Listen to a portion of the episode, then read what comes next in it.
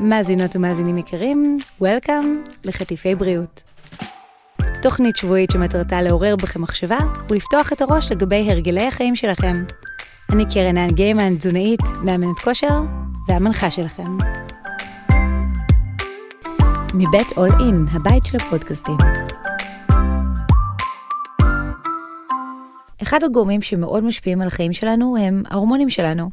לצערי אנחנו לא יכולים לראות את ההורמונים האלה, או למדוד אותם, או לבדוק אותם כמו בבדיקות דם, אבל מה שכן, אנחנו יכולים להכיר אותם, לדעת מתי סוגים שונים של הורמונים מופרשים, ובתגובה למה, ואז לקחת אותם בחשבון כחלק מתכנון תוכנית אימון הכושר שלנו למשל.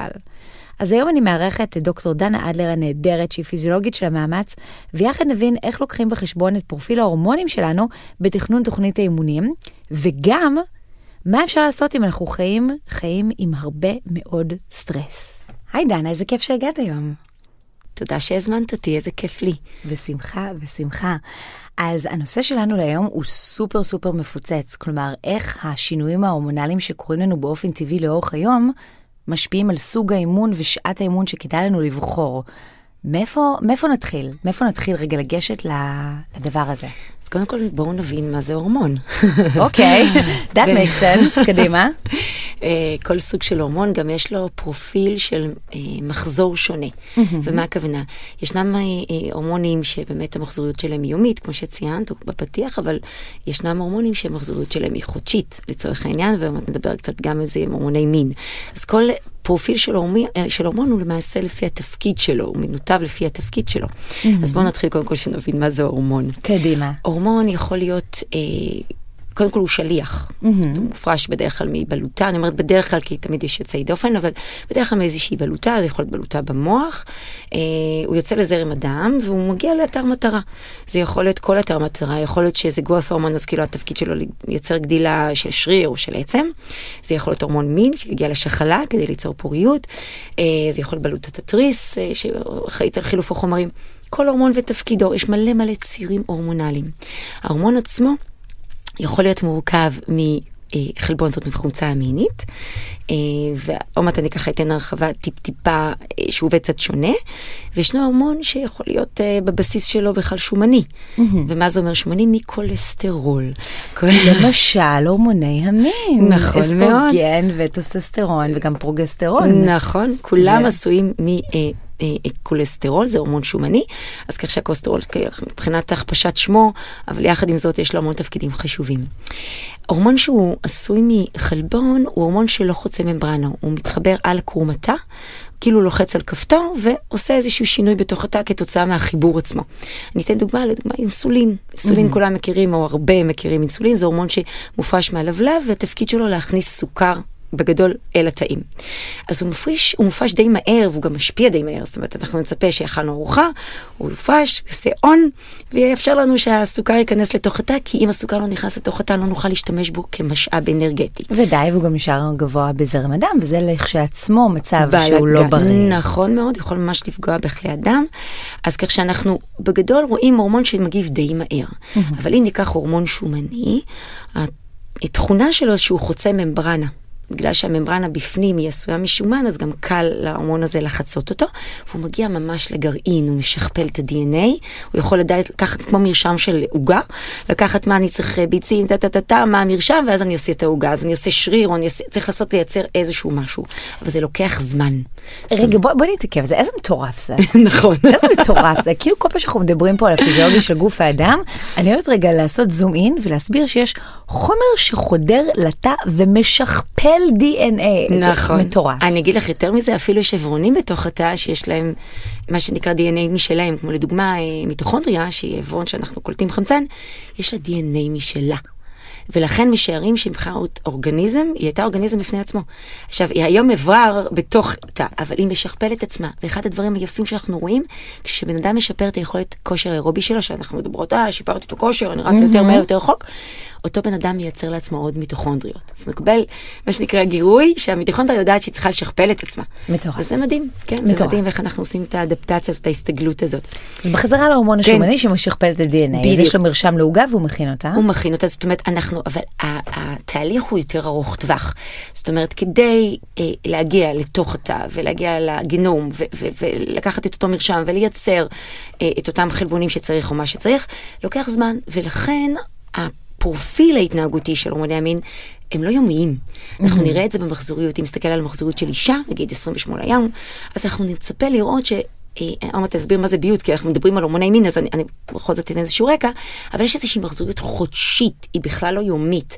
זאת אומרת, אנחנו לא נצפה לראות שכמו אינסולין אחרי ארוחה זה עולה או יורד, או זה לא קורה. Mm-hmm. זאת אומרת, אנחנו נראה פרופיל שונה שיכול להיערך ימים או שבועות מבחינת המחזוריות, ובואו ניתן דוגמה. Mm-hmm. כשאנחנו מסתכלים על אה, מחזוריות של אישה, מחזור הכוונה לא וסת, מחזוריות הכוונה שמחזור החודשי, זאת אומרת שכל חודש יש איזשהו מחזור מאוד ספציפי של ההורמונים. Mm-hmm. הורמון האסטרוגן שציינת קודם, הפרופיל שלו לפני הביוץ, ביוץ זה בעצם היום שבו הביצית, שנמצאת בתוך זקיק, יוצאת ויוצאת ממש מהשחלה, היא קורעת את השחלה, ומה שתופס אותה זה החצוצרה. זה היום שמאפשר למעשה קיום, או לפחות אה, כניסה להריון, אם רוצים. Mm-hmm. לפני שבועיים שקדמו, עולה הורמון שנקרא אסטרוגן. אנחנו צריכים peak של אסטרוגן כדי שיהיה ovulation, שיהיה ביוץ. עכשיו, זה לא שעה, זה לא משהו יומי בכלל. לעומת זאת, אחרי הביוץ, אנחנו נראה את הפרוגסטרון. pro זה בעד gestation הריון, בעד הריון, אנחנו נראה ממש עלייה בפרופיל.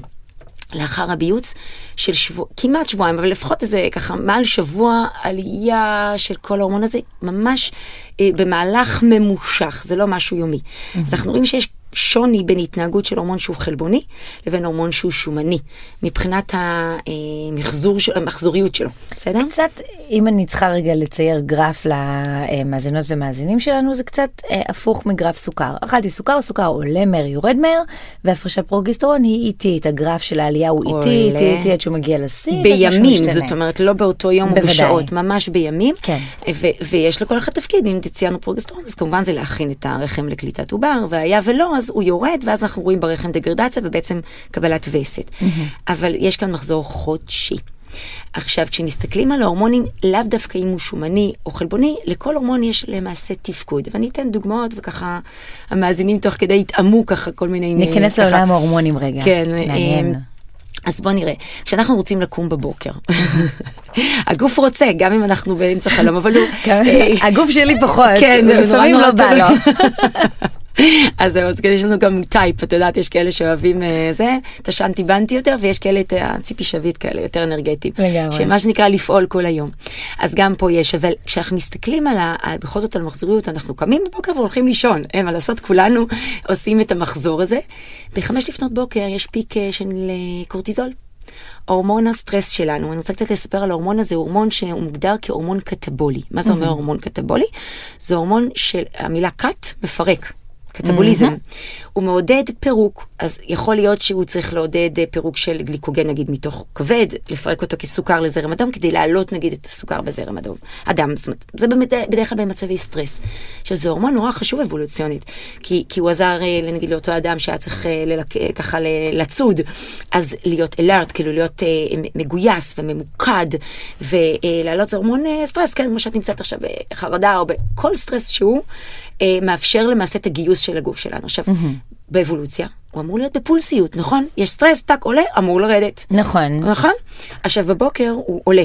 הוא אמור, הוא זה שעוזר לנו לפקוח את העיניים בבוקר. כן? הסטרס. הוא מתחיל, הוא מתחיל לפרוש, להיות מופרש בחמש לפנות בוקר. ובאמת יש איזשהו peak שמאפשר הכנה של הגוף לערות.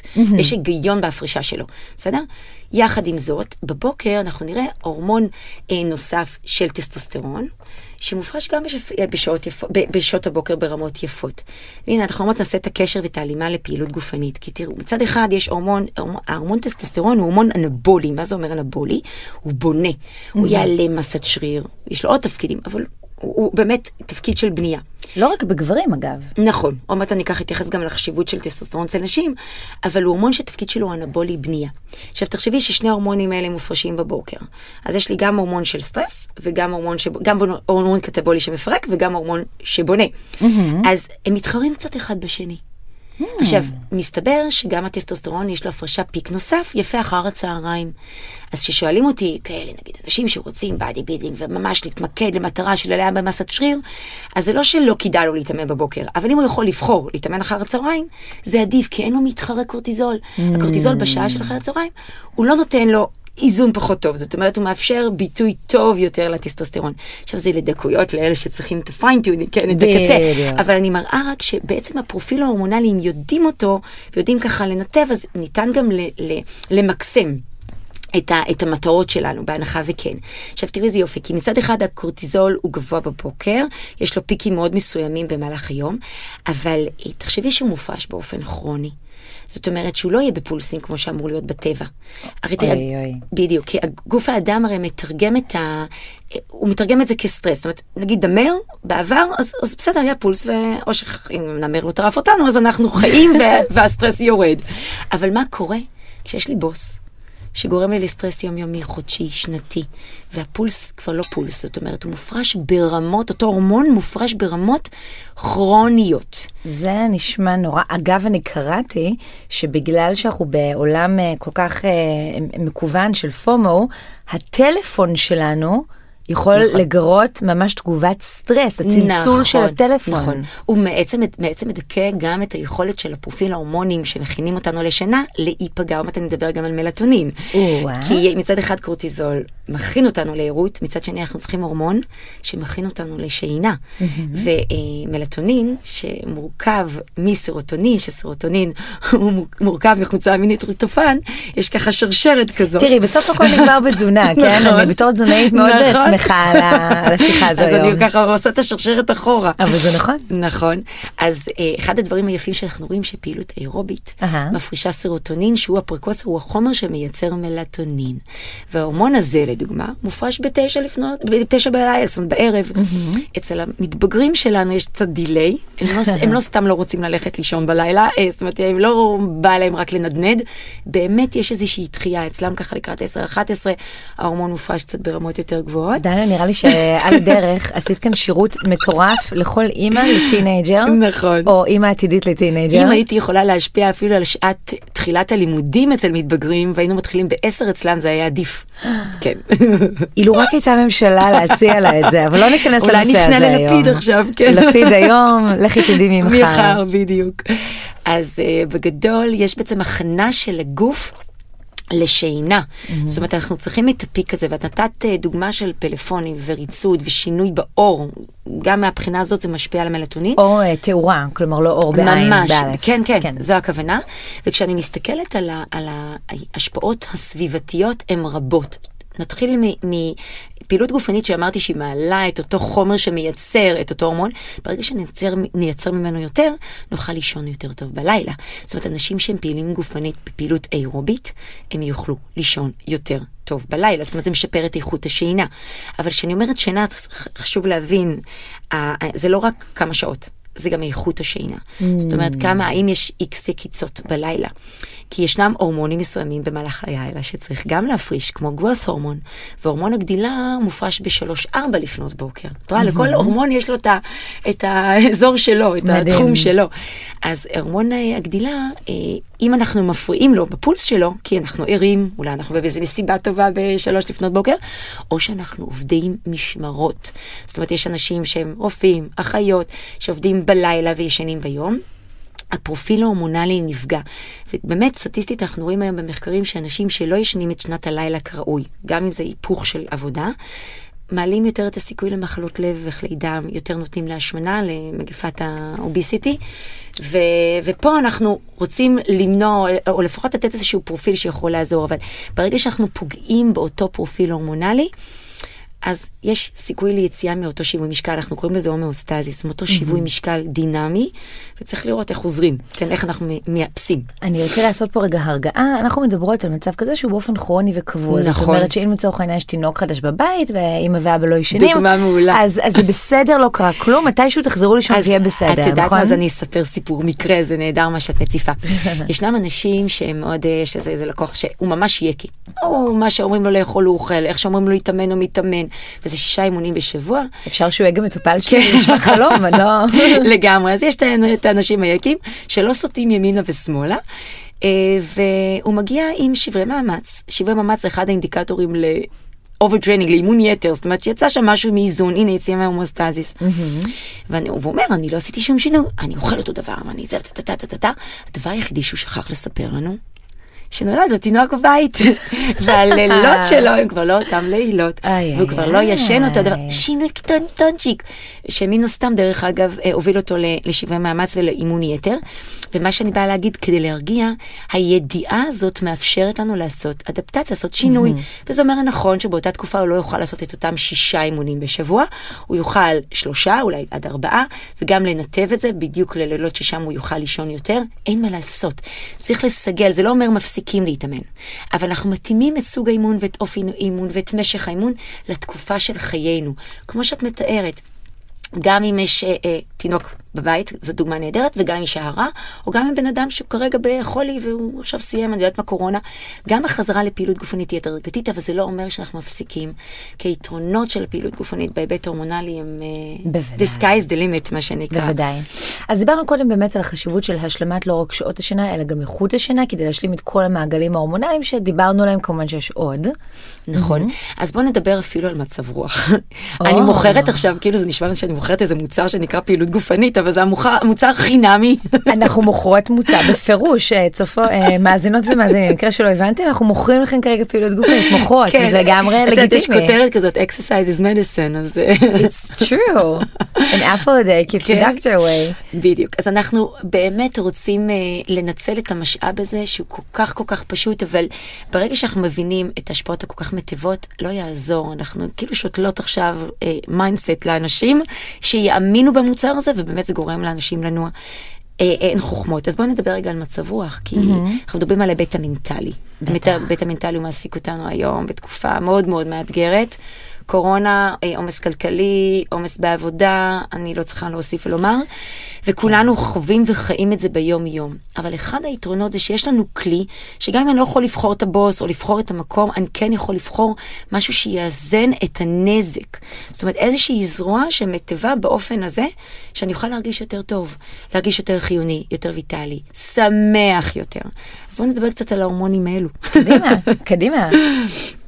אז בואו ניקח דוגמה, סרוטונין או. ודופמין, אני אקח אותם כזוגות כזה. הם, הם הורמונים שהם גם נקראים נורוטרנסמיטורים, כי הם למעשה מפעילים, מתפעלים נוירונים. זה תא ספציפי, הוא תא חשמלי, עובד על חשמל, והוא מעביר מסר, זאת אומרת מסר עצבי, עכשיו אני אהיה קצת פחות רומנטית כרגע, אה, לרגע שיש מוליכות עצבית. אני הולכת להפתיע פה, להפתיע פה את האנשים, אבל כשאני כן. אומרת שלרגע שיש מוליכות עצבית, זה אומר שהורמון מסוים, שמופרש מתא מסוים ומעביר את המסר הזה, גורם לנו להרגיש שמחים, עצובים, בדיכאון, אה, אה, בערעור אה, מיני, הכל זה הורמונים למעשה.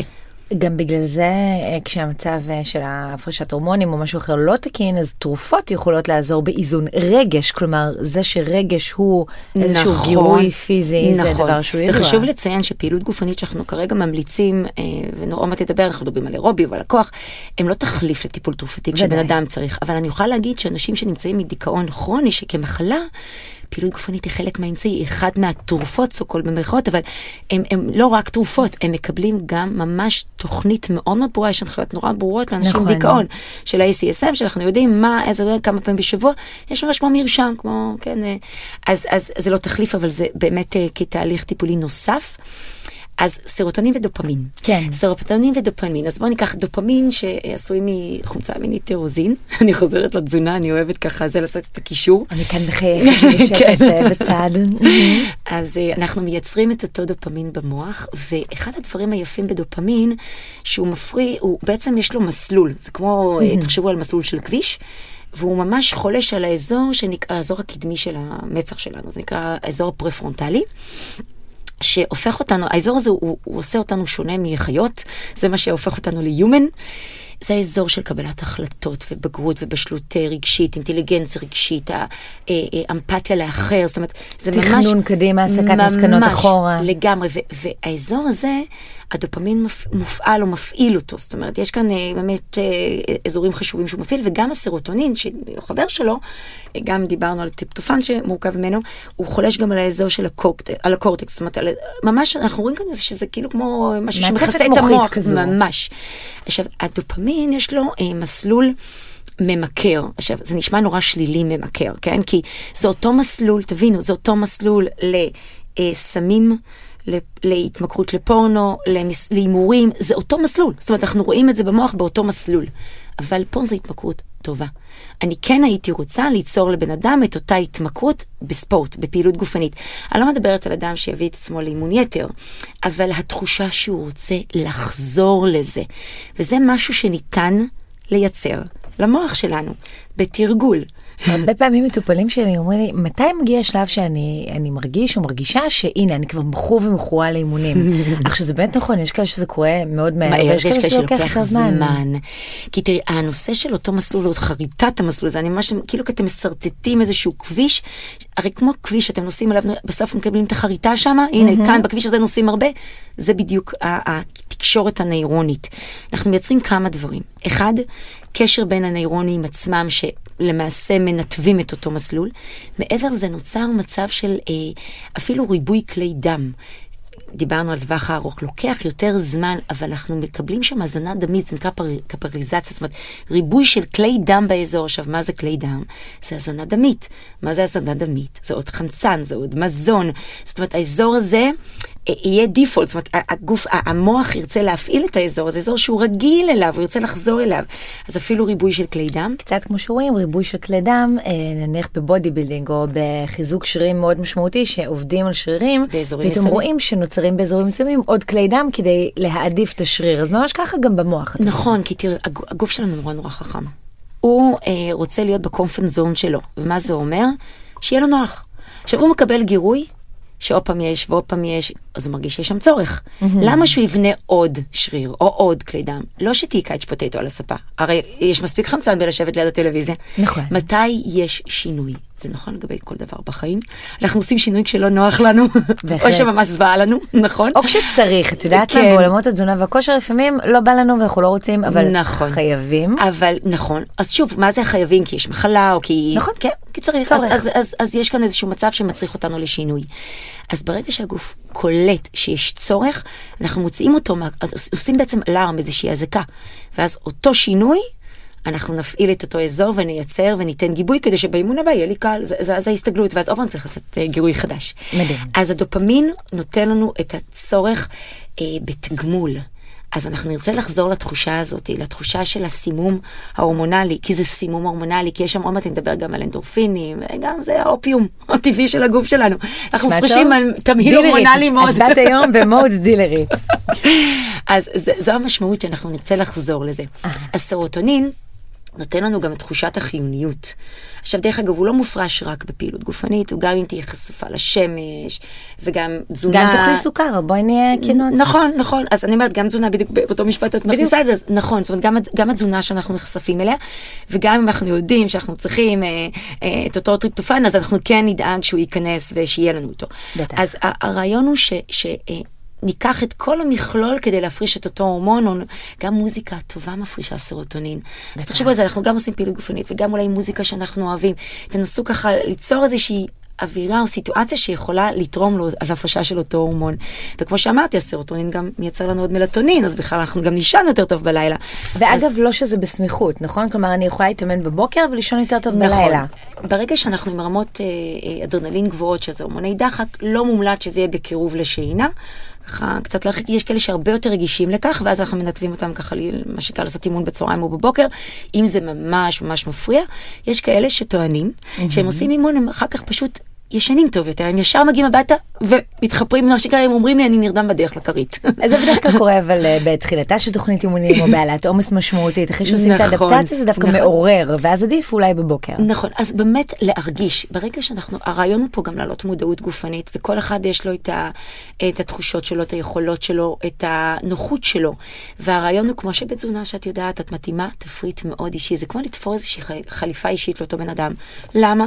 כי יש לו את הפתולוגיות שלו, ואת את, ה, את הגנטיקה שלו, ואת האורח החיים שלו שאנחנו רוצים להתאים לו כדי שהוא יוכל להתמיד, נכון? כי אחרת אני לא אגיד לו, אה, ככה XYZ והוא לא יעמוד בזה. בדיוק. אז אותו דבר גם בפעילות גופנית. אין מה לעשות, אנחנו צריכים למצוא את ההסתגלות הזאת. בטח, כי לצורך העניין אנחנו מדברות עכשיו על הפרשת אה, טוסטסטרון אה, מיטבית לאימון כוח דווקא אחר נכון. הצהריים, אבל אותו בן אדם עובד אחר הצהריים והוא יכול רק בבוקר, אז, אז נכון, מה, הוא היה אז זה לא חייב יהיה לו? אידיאל, אבל עדיין הוא יוכל לקבל יתרון, זה עדיף מה שלא לעשות בכלל. וזאת נקודה, זה משפט באמת שבא לי לשכפל ולהדפיס חולצות ולחלק ברחוב, כי זה באמת נכון, נכון, זה נכון. באמת נכון. יש אנשים שהם באופי שלהם מאוד שחור לבן. כמעט כולם, אגב. נכון, ולכן כולם. אותם אנשים צריך להפעיל את ה... כשאני אומרת, אה, אנחנו מוכרות פה ידע, אבל ברגע שהם מבינות, את, מבינים ומבינות את ה... באמת את ההשפעה, גם כשעושים מעט, זה משכנע. עכשיו, זה עובד, כאילו, אנחנו לא... אנחנו אומרים, בוא, בוא נעשה ניסוי וטעייה, פשוט תנסה את זה, וזה, ואז, ואז הם באים ואומרים, חבל שלא עשיתי את זה קודם. את אמרת על טסטוסטרון, ואני רוצה כן להתייחס להורמון הזה, כי הוא הורמון אנבולי, ודווקא הוא באמת מופרש בפעילות כוח. כי דיברנו על פעילות אירובית שמפרישה סרוטונין ודופמין, וטסטוסטרון מופרש בפעילות של כוח. אה, אנחנו היום מעודדים ילדים. אה, חוק הספורט היה לא להיכנס מתחת לגיל 14 בעבר, היום לחדר אנחנו... כושר. גם כשאני עשיתי את תעודת המאמן שלי, זה שזה לא כזה לפני הרבה זמן, לפני נכון, 13 שנה. נכון, אמרו? נכון מאוד. אה, פרופסור ברקת פלק, שהיא היום כבר בקנדה, והיא עשתה המון המון מחקרים בילדים ברפואת ספורט בווינגייט, והיא באמת עזרה לשנות אה, את חוק הספורט. מדהים. היא שינתה, ומעל גיל 6 היום אנחנו בעד עבודת resistance בילדים, עבודת התנגדות בילדים. ואני רוצה להסביר כמה חשיבויות. טסטוסטרון יש לו המון המון יתרונות. בריאותיים. עכשיו, את אמרת גם לאישה, אז, אז, אז תבינו שזה, מה שאני אומרת עכשיו זה גם לגבר וגם לאישה. Mm-hmm. למה גם אישה חשוב שיהיה טסטוסטרון, למרות שהרמות הן יותר נמוכות. גבר זה פי 10 עד פי 30 יותר מאישה. ודאי. אבל זה אומר צפיפות עצם. וזה אומר מסת עצם, שזה אומר יציבות ויציבות מפרקית ומניעת פציעות וכל ההשלכות של זה. זה אומר חשק מיני.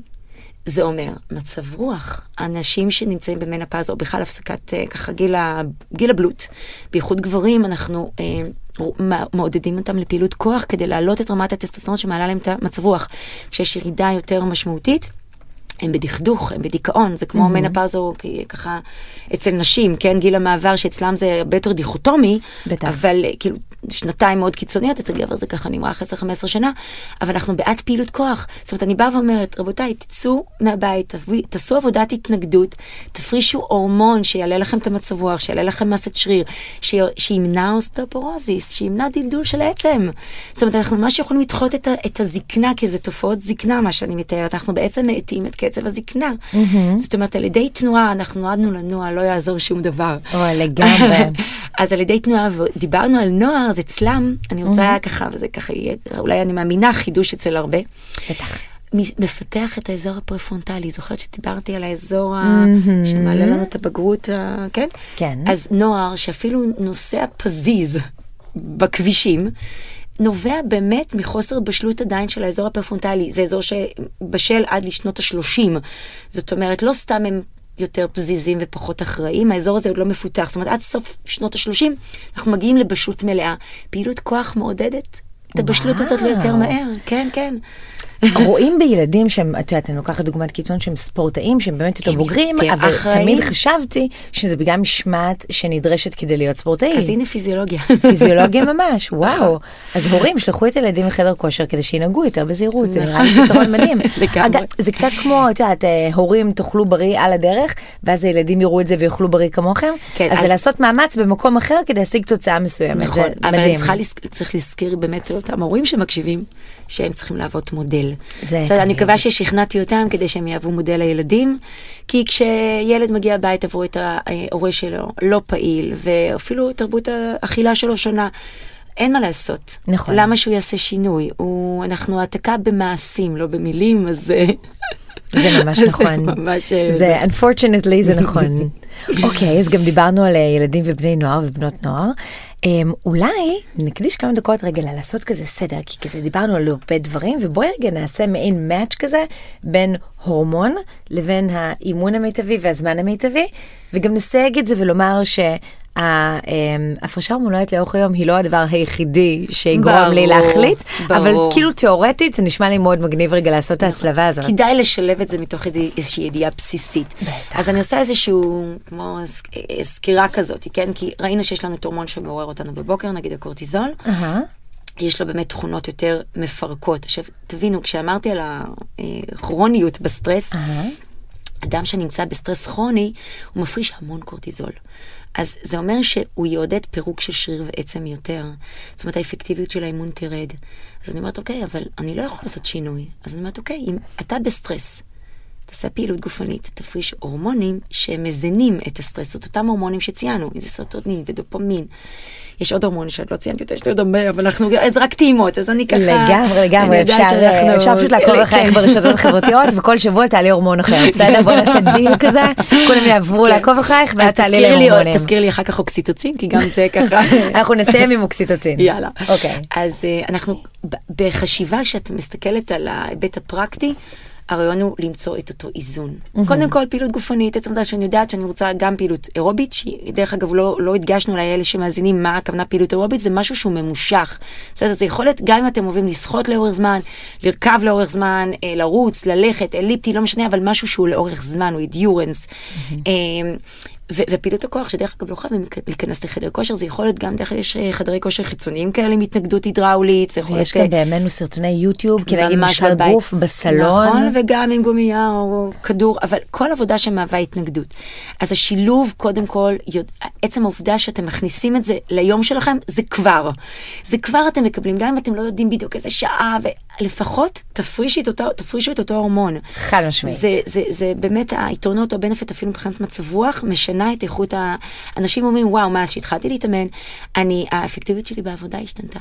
היכולת שלי להתרכז מבחינה של קוגניציה. אגב, בגלל זה מעסיקים רבים מכניסים אימוני כושר ללו"ז נכון, העבודה. היום אנחנו רואים במקומות העבודה, אה, גם בעלים של חברות רואים את החשיבות בכך, ושוזרים את זה במהלך היום. זה יכול להיות כל שעה תנועה, אז גלין גלין גלין עם פעמון, כולם עושים חמש דקות בטן, כל שעה עגולה. יוצאים למרחב, עושים בטן, חוזרים. נכון. אין, זה הוכחות, זה, זה, זה, זה מה שנקרא עובדה, זאת אומרת, זה לא משהו שאפשר להתווכח איתו. ושוב זה מחזיר אותנו לכל דבר עדיף מכלום. נכון. אבל לפעמים יש אנשים שדווקא המוטיבציה שלהם להתחיל להתאמן, מאוד שיחה מאוד. כזאת, כי זה נראה לי מגניב רגע נכון. לנסות להתאים את זה להורמונים. נכון. אז אנחנו עכשיו נלך יפה. על זה, בואי... יפה, אז קורטיזול גבוה בבוקר מאפשר לנו להתעורר. אז שוב, אם, אם יש כוח מאוד חשוב לנו, אז אנחנו יכולים להפריד, אם לא, אז בהחלט גם הטסטוסטרון הוא ברמות מאוד גבוהות בבוקר. אה, מלטונין, כמו שאמרנו, הורמון השינה, הוא יכין אותנו לשינה. כמו שאמרתי, אלה הם הורמונים אה, אה, יומיים, גם אם ניקח אינסולין, הוא מותאם לאוכל. התפקיד שלו להיות גבוה כשאנחנו אוכלים, לא ניכנס עכשיו לפירוט שאם סוכר גבוה, זאת אומרת, הוא בדיוק, מגיב חולי סוכרת אנחנו וכל מתכוונים, הפיק, אה, כמובן. פיקים אה, זה, אבל גם שם דרך אגב צריכה להיות אדפטציה, כאילו התאמה, שוב, כי זו פתולוגיה וזה נושא בפני עצמו, אבל צריך נכון. להבין שגם פעילות גופנית, אנשים שפעילים עם אותה פתולוגיה, הם יוצרים שינוי לעצמם. אני רק אסביר מה הכוונה, כי מדברים פה על הורמונים, אז חשוב לי בטח. להדגיש. כשאותו סוכרתי, אני רוצה רגע להסביר ממש בקצרה מה הבעיה. אנחנו מדברים על רמות סוכר גבוהות בזרם הדם. יכולה להיות בעיה אחת שאין מספיק אינסולין, זאת אומרת שתאי בטא בלבלב לא מפרישים את אותו הורמון, ויכול להיות מצב, אה, אה, בדרך כלל אנחנו קוראים לזה סכרת אה, של נעורים, אבל היום אנחנו רואים את זה גם במבוגרים. נכון. אנשים שגם עברו אפילו טראומות, אנחנו רואים את זה. בדיוק, כרגע טראומה. אבל אה, סוכרת type 2, סוג 2, שבעבר קראנו לו מבוגרים, לצערי אנחנו רואים אותה בילדים, כי היא סוכרת שנובעת מהשמנה. אנחנו רואים היום ילדים שחולים בסוכרת type 2. כתוצאה מ obesity, הם סובלים ממחלות מבוגרים, זאת אומרת יתר לחץ דם וסוכ... וסוכרת. עכשיו, מה אנחנו רואים בפעילות גופנית? הפעילות הגופנית האירובית, גם כוח יש היום מחקרים, אבל בעיקר אירובית, מעלה את הסנסיטיביות לאינסולין, מעלה את הרגישות להורמון. עכשיו, מה זה אומר להעלות את הרגישות להורמון? הם יצטרכו פחות מההורמון כדי להכניס את אותה כמות סוכר. עכשיו, למה זה חשוב לדעת? כי אם הם מתחילים להתאמן, הם צריכים פחות, נגיד אם הם צריכים להזריק אינסולין, הם צריכים להזריק פחות אינסולין, אחרת תהיה להם נפילת סוכר. זאת אומרת, גם מי שכן עכשיו מקשיב הוא סוכרתי, ואומר, אה, יופי, זה הורמון שיש לי בעיה איתו, אז אני, אני רוצה להעלות את הרגישות שלו, אני אעשה פעילות אירובית, תעשו את זה בצור, בצורה מפוקחת. כי- בוודאי, ורק בהתייעצות אישית, בעיקר בעיקר כשלוקחים אינסולין, שזה כבר אה, מצב אה, מתקדם נכון, בסוכרת, נכון. כדי לא להגיע להיפוגליקמיה, ומי נכון. שמתמודד עם סוכרת יודע על מה אני מדברת. לגמרי, לגמרי. אבל אה, תראו את, את הדבר המופלא הזה, איך פעילות גופנית מייעלת מנהלת את הגוף, אפילו ב, ב, במרכיב שהוא בעייתי. הם, הוא בעצם משכלל או משפר, משפר את התפקוד, ואומר, אוקיי, אני עכשיו בפחות אינסולין יוכל להכניס אה, יותר סוכר, או את אותה כמות סוכר שצריך. אה, זה, זה, הבנפיט והפלא שנקרא פעילות גופנית. מסכימה לחלוטין, אגב, אנשים שנמצאים בפרס סוכרת, או שמתחילים להתקדם בכיוון, פעילות גופנית יכולה אפילו לעשות מצב הפיך נכון, לחלוטין. נכון מאוד, ממש למנוע מחלות. תראה, הנושא של פעילות גופנית, אנחנו הנושא שלנו הורמונים, אנחנו מסתכלים באמת, אה, דיברנו יומי, אבל לא לשכוח שבאמת הורמונים הם גם חודשיים, כמו שדיברנו על, על פרופיל אה, כן. חודשי, ו... ו פה זה נושא בפני עצמו, כי גם אם נסתכל על אישה שכן מאוד מושפעת מהפרופיל החודשי, וגם פה אני רוצה לתת ככה כאילו גם הסתכלות, כי הסתכלנו יומי, אבל גם חודשי, כן ההבנה שפרוגסטרון, אה, נגיד סופח נוזלים, התופעה שאותו הורמון שמכין את הרחם ומכין את הרחם לילד, והוא עולה בצורה הדרגתית, כמו שאמרנו בתחילת השיחה, אה, הוא גם יורד. יורד ככה קיצוני, אנחנו מרגישים PMS, אנחנו מרגישים אה, פתאום דכדוך והכל מעצבן, ויש כאלה שאוהבות אה, זה ומאבדות את ה... ויותר עצבניות. אמרת את זה בלשון גברי, אנחנו מרגישים PMS, אבל זה גם מאוד נכון, כי גם בן הזוג שלי מרגיש את ה-PMS שלי מאוד, הוא כבר מסתכל עליי במבט כזה שהבנתי אותך, אוקיי, נדבר עוד שנה. נכון. עוד שבוע, כן. סליחה, לא עוד שנה, my god. אז זה המשמעות, כי הורמונים מדברים, הם יוצרים בעצם השפעות שהם גם, יש להם תפקיד נורא חשוב, אבל גם גם על המצב רוח שלנו, אין מה לעשות. זאת אומרת, אנחנו, ברגע שמבינים את זה ויש קבלה של זה, אז אני חושבת שגם uh, הקבלה עצמה uh, עושה את זה פחות דרמטי. בסדר? זאת אומרת, uh, וגם הביוץ לצורך העניין, mm-hmm. ששוב, ההורמונים הם חודשיים, אבל יש יום מאוד מאוד ספציפי, יש נשה, נשים שממש יודעות באיזה צד אפילו הן מבייצות, כי זה מאוד כואב, יש שם קריאה של השחלה. וקשה להם. פעילות גופנית, לדוגמה, אירובית קלה, זה יכולת הליכה, פתאום מפחיתה להם את הכאב. למה? כי יש המון שנקרא אנדורפין, שהוא הוא אופיום, הוא משכך כאב, יש לו תכונה שהוא ממש מתחבר לרצפטורים של כאב. עכשיו, הרבה אנשים יעידו שמקשיבים פה ככה לפודקאסט, שהם יוצאים לאימון, יכול להיות שכואב למשהו וחוזרים וזה פשוט הפסיק לקרוב, זאת אומרת... וזה נכון, וזה קטע מאוד קשה מנטלית לאישה שכרגע כואב לה ו- לא לה ברחם, ולהגיד לעצמה כנגד כל הסיכויים צאי לאימון. נכון. אבל בפירוש כן, עכשיו שוב, לא מרתון, זה מה שאני אומרת. הליכה. נכון, אז לא אומרים אימון, צאי לתנועה. זה אפילו לא אימון, זה לא חייב להיות אימון, כי אימון, זה הופך את זה למשהו נורא נורא כבד ואחראי, ווואלה, פרויקט יש לי עכשיו. נכון. לא. אני רוצה שתצאי לטבע עכשיו, אה, להעביר, גם אם זה עם מוזיקה, לעשות לך טוב, לעשות לך כיף. תוך כדי התנועה היא תתחיל להרגיש כבר את ה... זה בדיוק העיקרון. זה הכלי הזה שאנחנו מדברים עליו. אני מסתכלת. על בנך היקר שצריך לנו כאן היום, והוא... הוא התחיל חופש גדול, מה? איי איי איי, טוב עוד כמה שנים אני אראיין גם אותו, הוא ממש מקשיב איך עושים את זה כמו שצריך. אז אוקיי, אז בסוף אמרנו שנדבר על מילה על אוקסיטוצין, ובגלל שיש לנו רק עוד ארבע דקות, דנה, אני אסכם. ואת תגידי לי אם אני טועה. אז אמרנו שהפרשות קורטיזול וטסטסטרון אה, בבוקר מתאימות לאימוני כוח, אבל בגלל שהטוסטסטרון מופרש ללא הקורטיזול אחר הצהריים, אם ניתן להתאמן אימוני כוח, סליחה, והיפרטרופיה של מסת שריר חשובה, עדיף אולי בערב. אחר הצהריים. אחר הצהריים, כן. סליחה. אה, דופמין וסרטונין הם אה, גורמים לנו תחושת אופורת, תחושה טובה, עוזר לנו להתרכז, עדיף אותם בבוקר, וגם על הדרך זה יעזור לנו לישון טוב יותר בלילה. נכון. למרות שזה עוזר לישון טוב בלילה, אולי לא כדאי לעשות אימונים קשים של אירובי לקראת שינה, כי זה מעורר ומפריש אדרנלין. נכון. אם אנחנו מסתכלות רגע בהיבט החודשי, נשים שנמצאות בביוץ, על אף העובדה שכואב להן, פעילות גופנית דווקא תגרום להפרשת הורמונים שימסכו על אותו כאב. ואני אוסיף אומר שגם אפילו במחזור או קבלת המחזור, או, גם אם היום הראשון כואב, גם שוב לנצל את האנדורפינים ולהתחיל לנוע. זאת אומרת, יש אנשים שאומרות שמזל שיש פעילות גופנית, כי הם הימים, ב, בימים הללו הם פשוט אה, יוצאות כדי לשכך כאב. זאת אומרת, הן ממש סובלות, מאז שנתנו להם את הטיפ לנוע, הכאב מופחת. אני חייבת לומר שאני כזו, אני מאז שאני בת 12, אה, אני מקבלת אה, וסת חודשית, צירי לידה, ממש, גם רופאים אמרו לי שאני באמת חווה משהו אה, קיצוני. קיצוני. ו... יש אחוז כזה, נכון? זה 1 כן. אחוז, נכון? איזה יופי. את באחד אחוז הזה. אפשר לזכות בלוטו גם במסגרת האחד אחוז הזה. אמ, ובאמת אמ, המון שנים הייתי לוקחת משככי כאבים, אבל אני לא... אוהבת את זה, נכון. בעיקר לא כשזה מדי חודש, ואז כשנעשיתי רקדנית והמורה שלי בלט אמרה לי, גם במחזור רוקדים, mm. אז הנה כלי. נאלצתי, ופתאום ראיתי שזה מפיג את הכאב. לגמרי, אחרי, פשוט לגמרי. אחרי תקופה, אחרי, אחרי שנכנסים לאימון, נכון, לא מיד. נכון, וזה נכון. פרדוקס, ו- וזה באמת עובד. והלוואי ומקשיבים ובאמת ינצלו את זה, כי זה באמת משנה איכות חיים, בייחוד שזה חודש בחודשו. ודאי.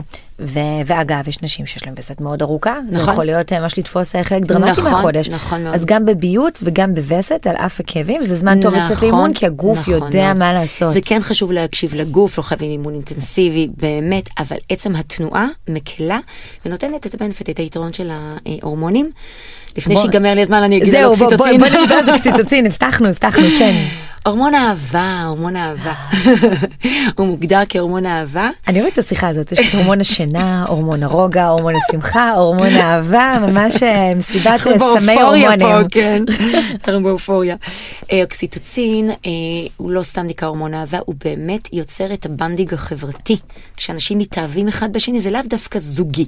זה יכול להיות התחברות חברתית, גם קוראים לזה הורמון חברתי, הוא מאפשר את, ממש את הבנדיג, את החיבור. אה, גם חיבור של האימא לתינוק, עוד לפני שהוא יוצא מהבטן, רמות האוקסיטוצין בגופה מאוד גבוהות, היא מאוהבת עוד לפני שהוא או, זה יוצא. כל כך חמוד. כן, נכון. אצל הגבר, אה, האבא, זה לוקח קצת יותר בהדרגה, זאת אומרת, ככל שהוא יחבק אותו יותר מהרגע שהוא יצא מהבטן, הוא ייצור תהליך הדרגתי של התאהבות. רשמתי לפניי. זאת אומרת, חיבוקים כן, אה, מדי כן. שעה, בסדר. ועוד מרשם, תוציאי את הבעל, מה שנקרא, לריצה, הוא יחזור עם רמות אוקסיטוצין טובות. ואז תני לו את ואז התינוק. הוא יהיה מאוהב בכלל, בך, בתינוק, הוא יטפל בהכל, הוא יהיה לו בשיא. אבל תחשבי איזה הורמון גאוני זה. כי גם כשהתינוק מחרב לאימא את הלילה, היא קמה ומטפלת בו. זה הורמון הישרדותי. כי אחרת, הייתה נטישה. תחשבי על אימא שלא ישנה והתינוק צורח כל שעה. יש כאן משהו קיומי הישרדותי מדהים. ההורמון הזה מופרש בפעילות אירובית. אה, גם בדרך אגב בקיום אה, יחסי מין בית אורגזמה, גם שלעיתים בהנקה. זה פעילות אירובית. כן, אבל פעילות אירובית שכל אחד יכול, אה, כן, אז, אז גם סקס כל אחד יכול כאן, ברור, אבל גם פעילות אירובית. אנחנו באמת לוקחים את זה ככלי ומקבלים כל כך הרבה יתרונות. עכשיו, השיא, ופה אני מקנחת, כי אני יודעת שעוד מעט תסגרי לי פה את המייק, האוקסיטוצין. יש לו אה, הגנה על כלי הדם. הגנה מכל הדחק וכל אמצעי הסטרס, כל הקורטיזול שיש שם, את השפעות הפחות מטיבות, הוא מגן. אז בואו תצאו לפעילות גופנית, אירובית, תפרישו אוקסיטוצין, וגם אם אתם בתקופות של סטרס, לפחות אתם נותנים תרופה מאזנת. חד משמעית. איזה משפט גאוני לסיום. ראית איך הכנסתי לך את הסיום? רק אני אסייג איזה משהו קטן שדיברנו קודם על ההיקשרות של האם, כמובן שזה יותר מורכב, ולא תמיד זה עובד. בדיוק ככה. אני כן, חשוב את יודעת מה את טוב זה. שאת אומרת, כי אה, יש איזשהו מסלול, מסלול שעושה קצת אה, דיכוי, זאת אומרת איניביציה זה נקרא, אה, של אה, פרולקטין. פרולקטין זה הורמון שמייצר את החלב, ואנחנו רואים שהפרולקטין עושה איניביציה קצת לדופמין. מה זה איניביציה? הפסקה? עיכוב. עיכוב, בסדר? אוקיי. חיפשתי את המילה. כן. עיכוב. ואם יש ייצור של פרולקטין, הוא קצת מעכב דופמין, ודופמין הורמון מצב רוח. אז למי שיש כן נטייה לדיכאון אחרי לידה, זה כן יכול להשפיע, אבל שוב, זה מאוד מאוד אישי ומאוד אה, זה, אז שוב, יש לנו את ההורמון הנה של- הנושא ל- לפודקאסט הבא שאנחנו נקליט, כרגע אנחנו מדברות על כך שאוקסיטוצין מופרש בפעילות אירובית, ואם אנחנו סובלים מהרבה מאוד סטרס בחיים, אז יאללה, משהו שינגוד את אותו. קורטיזול זה באמת אימון אירובי, סרוטונין, דופמין, אוקסיטוצין. דנה, אני יכולה לדבר איתך עוד 20 שעות, לגמרי. אבל את צריכה ללכת, וגם אני צריכה ללכת. המון תודה לך שהגעת. תודה, איזה כיף שהזמנת אותי. שמחתי מאוד, ותרשמי ביומן, אנחנו עוד יאללה, ניפגש. רשום. תודה. ביי ביי.